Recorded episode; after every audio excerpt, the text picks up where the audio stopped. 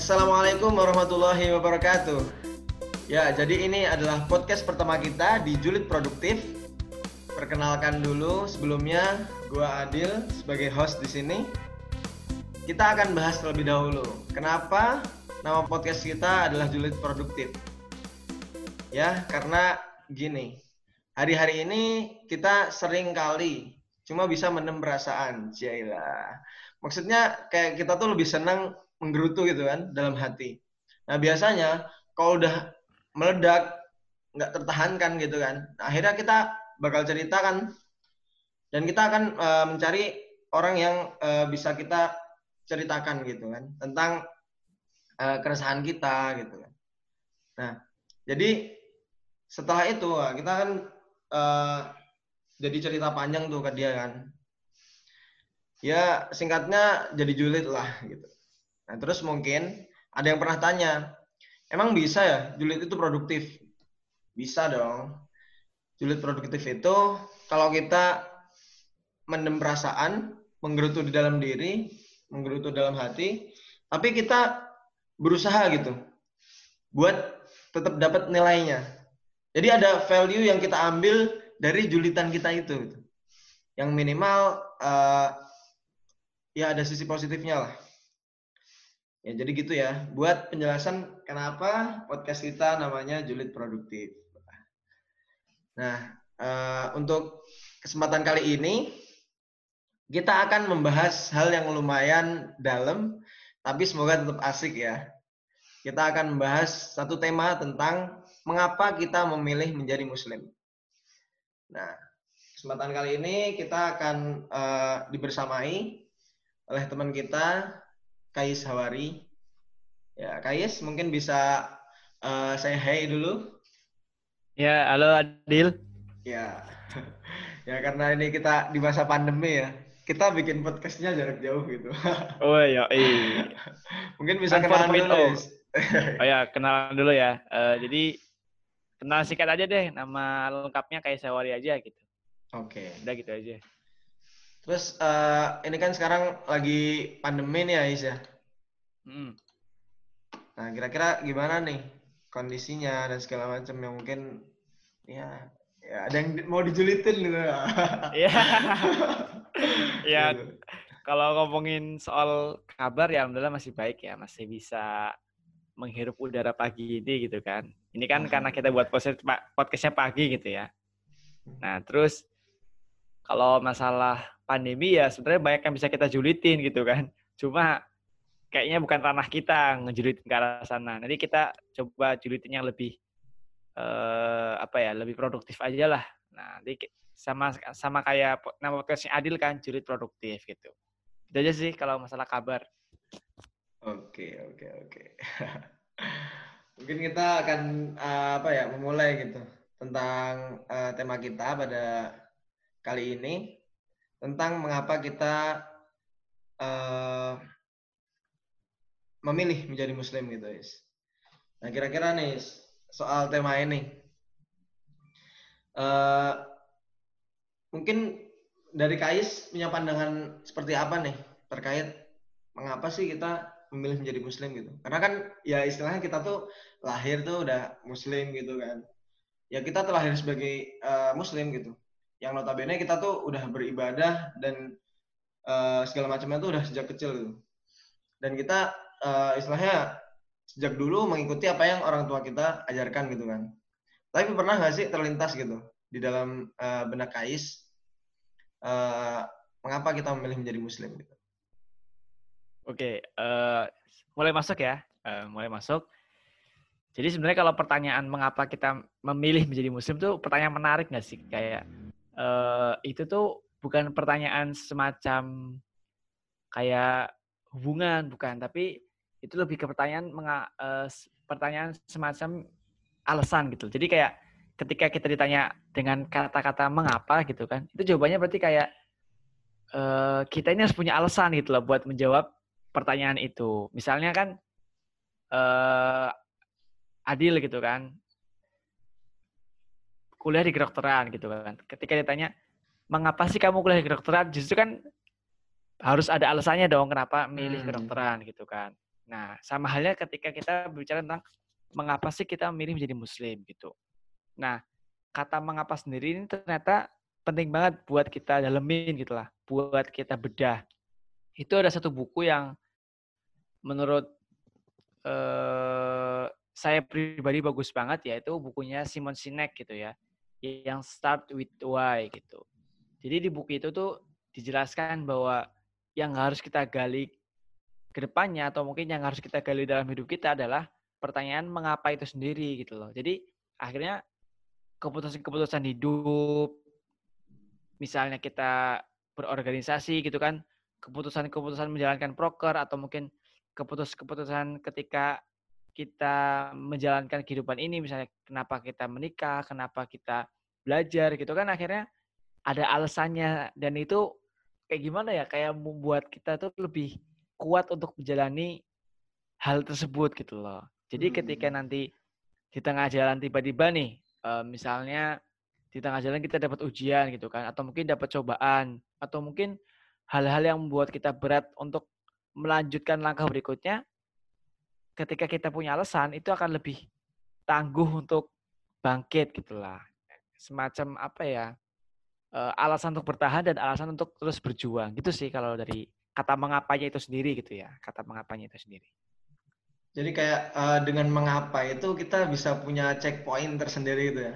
Ya ketika kita melangkah tuh ibaratnya uh, kalau uh, kita udah punya alasan ya kan kita udah melangkah jauh terus kita udah uh, memberi memberikan checkpoint di belakang gitu. Jadi kita tinggal uh, ketika kita melihat ke belakang nah kita jadi tahu gitu kan alasan kita berjuang gitu ya misalnya gitu ya. Ah ya benar benar benar. Benar banget tuh. Jadi kayak ya kayak apa ya kayak spionnya gitu lah ya. Hmm, ya benar jadi ngelihat ke belakang dulu oh ternyata alasanku ini. Jadi nanti ketika mungkin udah mulai capek gitu kan pelan-pelan ya udahlah. Udah ada alasannya harusnya kita terus lanjutin uh, perjuangan kita gitu sih hmm. ini malah ngomongin berjuang ini ya kan jadi muslim juga bukannya adalah perjuangan oh iya yang penting bukan partai aja aduh ya kita lanjut aja ya fokus ke uh, apa tadi tadi kan kita udah bahas mengapa nih ya. Iya. Nah, terus apa sih kaitannya dengan menjadi muslim gitu? Iya. Uh, kalau menjadi muslim kan kalau kita apa ya namanya? flashback lagi gitu kan. Kan ada tuh hadisnya Rasulullah SAW gitu ya. Dan ini diriwayatkan oleh Bukhari dan Muslim gitu kan. Tidak seorang pun yang dilahirkan kecuali dilahirkan pada fitrahnya ya. Maksudnya fitrahnya kan dalam keadaan muslim gitu kan. Nah, hmm. akhirnya kedua orang tuanya lah yang menjadikan Yahudi, Nasrani atau Majusi gitu kan. Jadi benar tadi kata pas Adil opening gitu ya e, mengatakan bahwa ya emang kita lahirnya sebagai Muslim gitu kan. Tapi hmm. pernah nggak kita berpikir mengapa kita akhirnya sampai hari ini memilih jadi Muslim gitu kan? Yeah. Iya. Gitu. Itu sebenarnya menarik banget ya buat kita bahas gitu.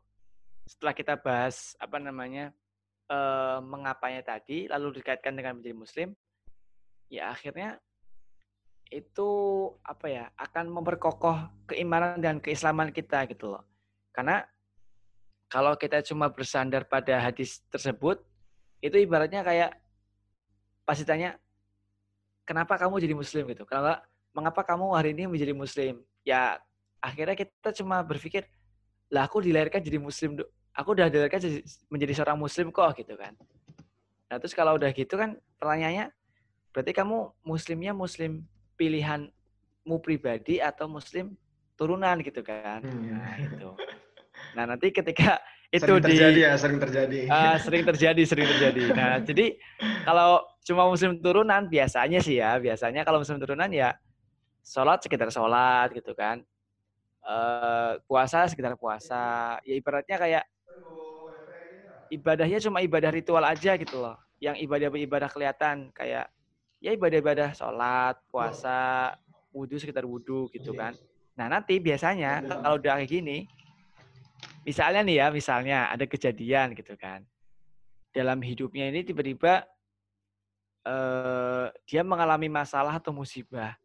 Dan itu kebetulan banget berkaitan sama syariat Islam gitu kan. Nah, biasanya kalau udah kayak gini, kalau cuma turunan, yang disalahkan adalah syariatnya gitu loh. Ya, Hmm. misalnya sih. Iya. Ya, misalnya nih orang tersebut udah nikah gitu kan. Udah nikah sama ya misalnya laki-laki menikah dengan seorang perempuan gitu kan. Yang mungkin perempuan ini berjilbab gitu kan. Nah, tapi kenyataan kenyataannya ternyata eh istrinya itu sedikit kurang baik akhlaknya. Akhirnya disalahkan, wah percuma berjilbab tapi akhlaknya buruk. Nah, gitu kan. Jadi kayak gimana gitu kan gitu. Tapi beda kalau udah jadi muslim secara pilihan kita masing-masing secara pribadi gitu kan. Akhirnya ya kesalahan manusia itu nggak bisa dikaitkan dengan kesalahan agama gitu. Jadi kesalahan manusia ya kesalahan manusia. Kalau agama ataupun syariat Islam kita ya ya emang udah sempurna gitu loh. Jadi Hmm. kalau misalnya yang misalnya di kasusnya yang istri yang kurang baik akhlaknya itu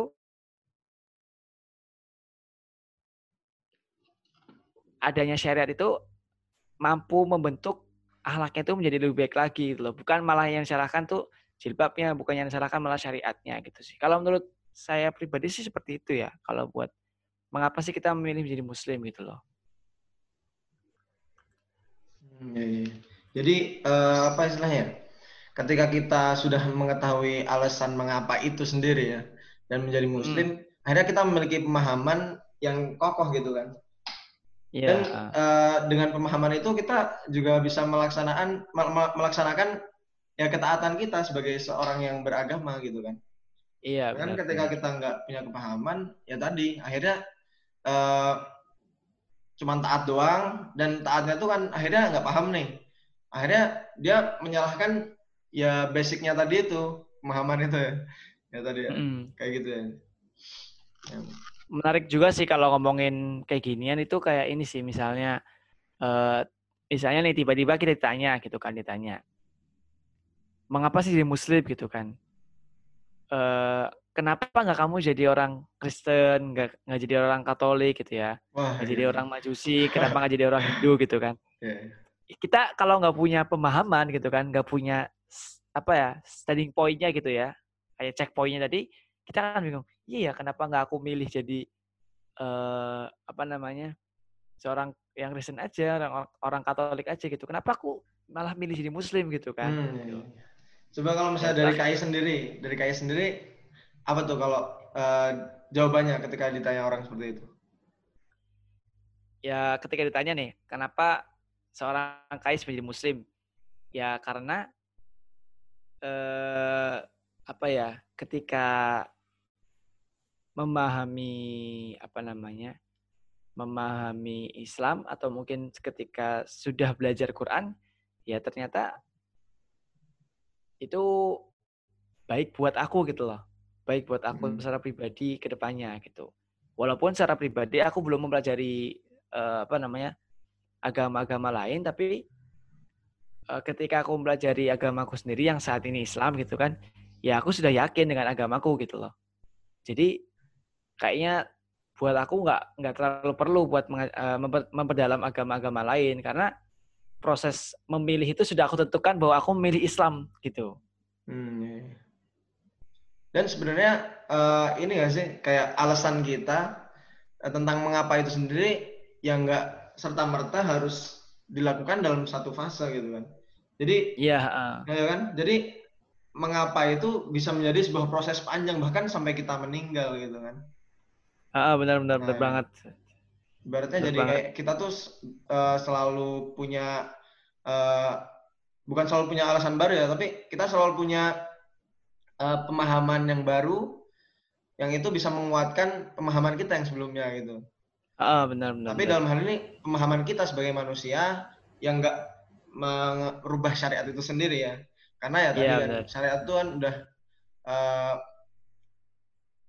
udah sempurna lah istilahnya. Ah, Cuman ya itu kadang karena kita nggak memahami, ya akhirnya kayak gitu kita menganggap syariat itu yang salah, kita menyalahkan syariat itu. Nah itu yang terjadi di Jadi- sebagian orang. Iya, jadi perjalanannya gini, misalnya kita ngomongin konteksnya Muslim ya, seseorang lahir dengan keadaan fitrahnya Muslim gitu kan. Hmm.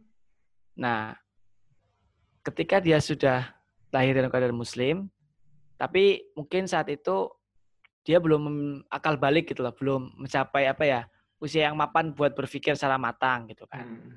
Nah tapi ketika dia sudah berpikir secara matang, seharusnya dia mulai, mulai memikirkan gitu loh, mengapa ya akhirnya aku menjadi seorang muslim gitu kan. Nah ketika dia mulai berpikir seperti itu, yang seyogianya dilakukan adalah mengetahui agamanya sendiri gitu loh. Hmm. Ya kan? Jadi kayak eh ketika dia sudah menjadi muslim dan dia sadar dia seorang muslim, maka yang harus dilakukan oleh dirinya adalah mempelajari agamanya sendiri gitu loh. Ya kan? Jadi Hmm. akhirnya apa ya?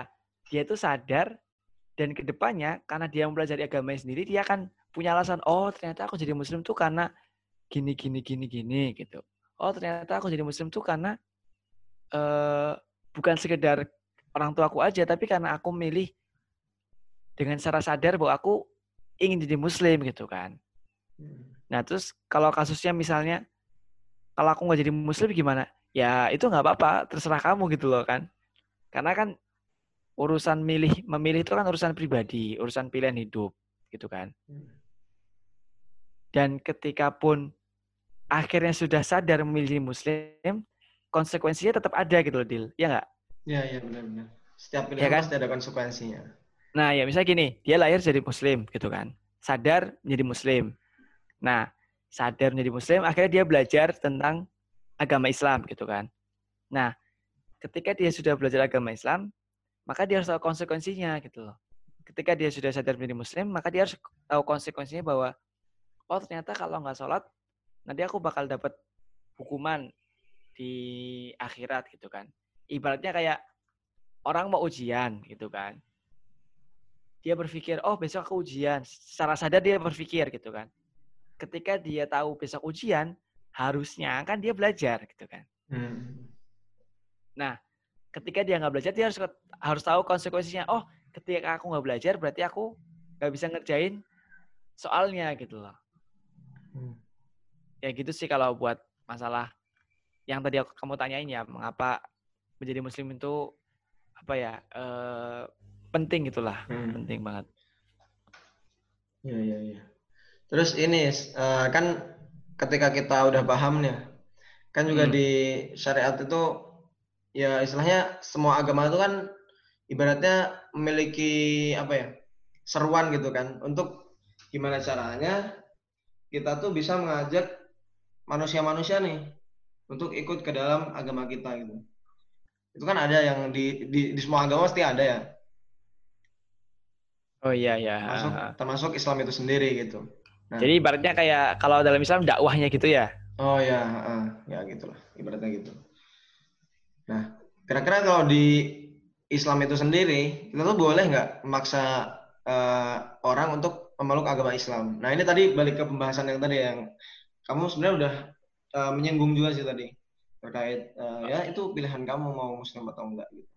Oh iya, eh, terkait pilihan ya. Kalau dalam agama Islam sendiri tuh nggak pernah atau eh, kalau setauku bahkan dalam Al-Quran gitu ya, yang jadi apa sih guideline-nya umat Islam, umat Muslim itu bahkan dikatakan la ikraha fid din gitu kan. Tidak ada paksaan dalam beragama gitu. Jadi akhirnya ketika kamu menjadi Muslim, kamu tuh sebenarnya nggak dipaksa gitu loh ketika kamu jadi muslim itu kamu sebenarnya bebas, bebas bebas bebasnya untuk menjadi manusia dan untuk menjadi seorang muslim. Cuma ketika kamu milih menjadi orang yang bebas, nggak mungkin kamu itu bebas, eh hidup bebas tanpa aturan gitu Hmm. ya kan? Iya, iya. Bahkan kalau misalnya eh, ada konsep bebas tanpa aturan, ya hari ini tingkat kecelakaan di jalan raya akan besar banget gitu loh. Ya kan? Iya. Ya ibaratnya nggak ada lampu merah, lampu kuning, lampu hijaunya gitu lah. Gitu. Kamu bebas nih di jalan raya, mau kebut-kebutan gitu kan. Mau nyalip-nyalipan, mau kanan kiri kanan kiri gitu. Tapi kamu harus tetap punya aturan ketika di jalan raya itu. Kamu bebas untuk berkendara, berkendara, tapi kamu harus tetap tahu aturannya gitu. Harus pakai helm gitu kan, harus pakai sabuk pengaman, harus uh, ketika ada lampu merah kamu harus berhenti, ketika lampu kuning kamu harus hati-hati, ketika lampu hijau kamu harus tetap jalan gitu kan. Jadi kalau kalau misalnya uh, berpikir kayak ah di agama Islam ini kayaknya mengekang gitu kan. Loh, enggak Allah tuh nggak pernah mengekang kita untuk beribadah gitu kan. Walaupun tujuan kita diciptakan adalah beribadah, tapi buat masalah ibadah Allah tuh nggak pernah ini, nggak pernah maksa kita buat beribadah gitu. Karena Allah tuh Allah tuh nggak sebenarnya sebenarnya nggak butuh kita gitu loh, nggak butuh kita hmm, iya, beribadah iya. gitu kan. Yang butuh beribadah ya kita sendiri gitu. Allah tuh nggak butuh sholat kita, Allah tuh nggak nggak butuh puasa kita. Tapi tetap ingat kalau kamu udah jadi muslim, kamu harus tahu konsekuensinya gitu kan. Nah begitu pula teman-teman yang lain yang mungkin hari ini belum memeluk agama Islam gitu atau masih menjadi non Muslim gitu kan. Yaitu pilihan mereka masing-masing dan kita nggak nggak boleh ganggu gitu loh.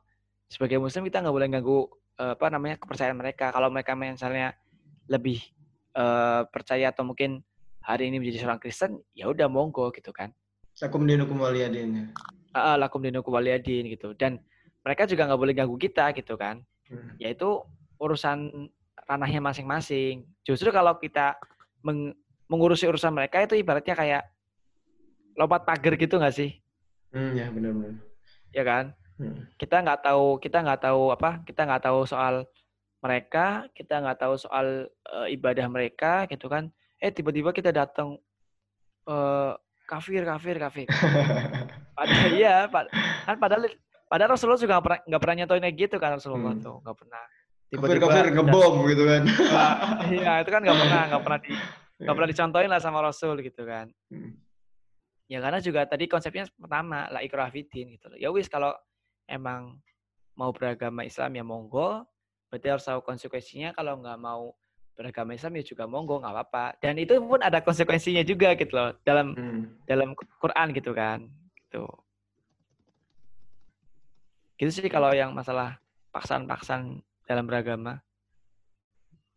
Hmm, ya, ya, ya ini juga apa namanya yang ku pahami juga ya tentang uh, ya ay ayat tadi itu ya ketika uh, ini kembali ke tadi sih ke alasan mengapa kita memilih menjadi muslim gitu ya. Mm. Nah itu uh, la Nah itu nggak cuman sebatas itu gitu. Jadi kan ada ada lanjutannya ya kan. Kata uh. rusdu minal gitu. Jadi uh, nah ini benar-benar apa ya uh, yang membuat aku tuh semakin menguatkan gitu ya jadi tidak ada paksaan untuk memasuki agama Islam gitu kan la ikrah artinya itu di Al-Baqarah hmm. 256 nah Kota bayana rusdu minal ini artinya kan sungguhnya telah jelas jalan yang benar daripada jalan yang sesat. Nah, gitu kan. Jadi hmm, ketika pun iya, iya. gitu kan, kita tuh hmm. uh, nggak kita tuh nggak maksa gitu loh.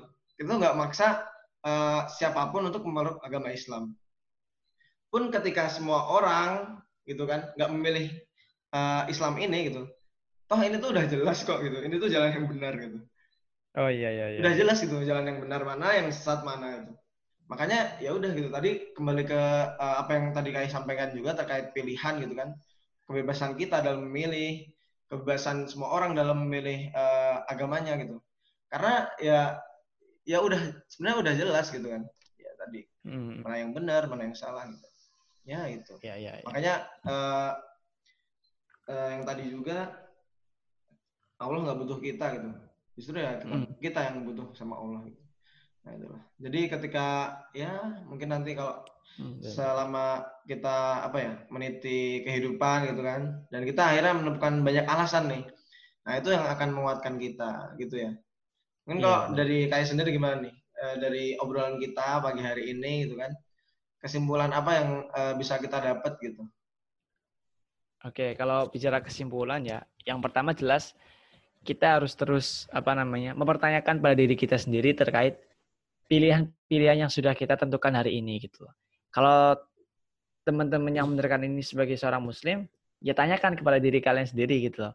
Mengapa kalian menjadi seorang muslim? Apakah alasannya harus sama? Ya enggak, enggak harus juga gitu kan. Misalnya uh, saya pribadi kenapa menjadi seorang muslim ya karena uh, inad dina indallahil Islam gitu kan. Hmm. Gitu. Ketika kita baca Quran, oh ternyata dalam Al-Qur'an itu disebutkan bahwa agama yang diakui oleh Allah itu cuma agama Islam gitu kan. Hmm. Dan ayatnya pun jelas gitu kan. Innalladzina amanu uh, apa sih innalladzina amanu walladzina hadu wa nasara wasabiuna man amana billah. Jadi ya emang ada ayat yang berbunyi sesungguhnya orang beriman, orang Yahudi, orang yang memeluk agama Sobiin itu kan orang uh, Majusi juga itu masuk surga gitu. Tapi ada hmm. pengecualian. Ya, pengecualiannya itu apa? Ya beriman kepada Allah dan kepada hmm. Nabi Muhammad gitu kan. Jadi ya, akhirnya itu alasan-alasan yang buat aku uh, menjadi seorang muslim gitu kan. Nah, mungkin teman-teman yang mendengarkan ini punya alasan lain ya semoga gitu kan. Itu tetap harus dipelajari terus-terusan. Kenapa sih aku menjadi muslim hari ini gitu kan? Kenapa sih aku menjadi muslim hari ini? Nah, harapannya alasan itu yang akan menguatkan kita, bukan malah melemahkan gitu kan. Hmm. Gitu. Jadi karena uh, kita seorang menjadi, sudah menjadi seorang muslim, maka yang wajib pertama kita pelajari adalah agama kita sendiri gitu pun. Nah, nanti kalau misalnya teman-teman ada keraguan dalam agama Islam dan ini tidak sangat uh, tidak tidak apa ya tidak akan mungkin sih menurut saya menemui hmm. keraguan dalam agama Islam gitu. Keraguan itu mungkin muncul karena teman-teman kurang paham. Nah, mungkin setelah teman-teman uh, mempelajari agama Islam, ada baiknya teman-teman ini dipandu oleh seorang guru gitu loh supaya nggak salah dalam menafsirkan Al-Quran, menafsirkan hmm. hadis atau menafsirkan syariat gitu kan. Itu sih. Nah terus harapannya dengan adanya pembahasan kali ini tuh kita sama-sama sadar lah sebagai seorang manusia yang memeluk agama gitu kan, entah itu agamanya mau uh, Islam mau nggak Islam gitu kan, sama-sama sadar bahwa oh ternyata pilihan kita beragama itu pilihan pribadi kita gitu, bukan hmm. karena paksaan orang lain, bukan karena orang tua kita gitu kan. Sehingga ketika kita sudah sadar dengan pilihan kita masing-masing, ya wis berarti kita harus tahu konsekuensinya gitu kan. Hmm. Jangan sampai uh, kita yang uh, beragama Islam jadi seorang muslim tapi malah ngurusin agama orang lain gitu kan. Begitupun sebaliknya ketika ada orang yang belum muslim uh, malah ngurusin agama Islam gitu kan. Yang itu sebenarnya hmm. bukan ranahnya gitu loh, ya kan? Karena kadang-kadang terjadi tuh di dunia dunia hari ini gitu ya, apalagi yeah, yeah, Twitter yeah. gitu kan, main rame gitu kan. Open minded. Kak. Nah, iya. Ngomongnya open minded, tapi mereka sebenarnya nggak tahu tentang syariat gitu kan. Hmm. Belajar aja nggak pernah, eh tiba-tiba ngomongin syariat gitu kan. Kita aja yang kita aja yang muslim kadang-kadang masih takut kan ngomongin syariat. Kalau apa namanya belum tahu gitu kan mending kita lebih baik diam lah buat ngomongin hal-hal yang nggak kita tahu gitu kan hmm. gitu sih jadi kayak ya ya udah kira pilihan kita di kehidupan hari ini di di apa ya ya di setiap fase kehidupan kita ya itu fase memilih kita dan kita harus sadar dengan pilihan kita bahwa setiap pilihan itu memiliki konsekuensinya. Konsekuensi. Ya, gitu aja sih kalau dari aku. Oke. Luar biasa banget. ya, pokoknya kalau serius kayaknya. ya diselipin lah dikit-dikit. Pokoknya apa ya istilahnya fenomena saat-saat ini kan banyak juga kayak gitu gitu. Makanya ya mungkin semoga obrolan kita kali ini bisa sedikit apa ya mungkin mantik ya memantik. ya bukan mencerahkan dan memantik ya iya. jadi memantik supaya kita tuh sadar gitu loh bahwa ya, tadi hmm. yang kayak sampaikan kita punya konsekuensi kita punya kebebasan kita punya kemerdekaan dalam kita memilih gitu hmm. karena ya itu benar tadi kayak gitu dan uh, menurutku pribadi yang menjadi muslim itu adalah menjadi orang yang paling merdeka sedunia gitu. Iya, karena kalau kata Ustaz Salim gitu kan uh, karena apa gitu? Karena uh, ketika kita menjadi muslim kita uh, apa ya mengalihkan gitu kan hmm. penghambaan kita kepada seluruh makhluk hanya kepada Allah doang gitu. Ah iya benar banget. Nah, jadi itu menjadi suatu apa ya ya kita merdeka banget tuh. Siapa lagi yang ah. bisa mengganggu uh, kemerdekaan kita gitu karena ya siapa pun selain Allah menurut kita dia nggak punya uh, apa namanya hak apa pun buat kita gitu kan. Nah itu. Jadi ah, iya, benar, benar. itulah uh, mungkin salah satu poin yang penting juga ya ketika kita hmm, tuh benar, benar. Uh, memahami terkait uh, mengapa kita memilih menjadi muslim. Nah, ini itu dulu ya podcast kita pada kali ini. Oke. Okay, uh, semoga ke depannya yeah, kita yeah. bisa ini ya uh, istiqomah gitu ya buat. Amin amin. membahas hal-hal yang uh, mungkin ini banyak dijulitin gitu. Cuman kita bisa ambil nih ya kira-kira apa nih yeah. yang bisa kita ambil nah, gitu.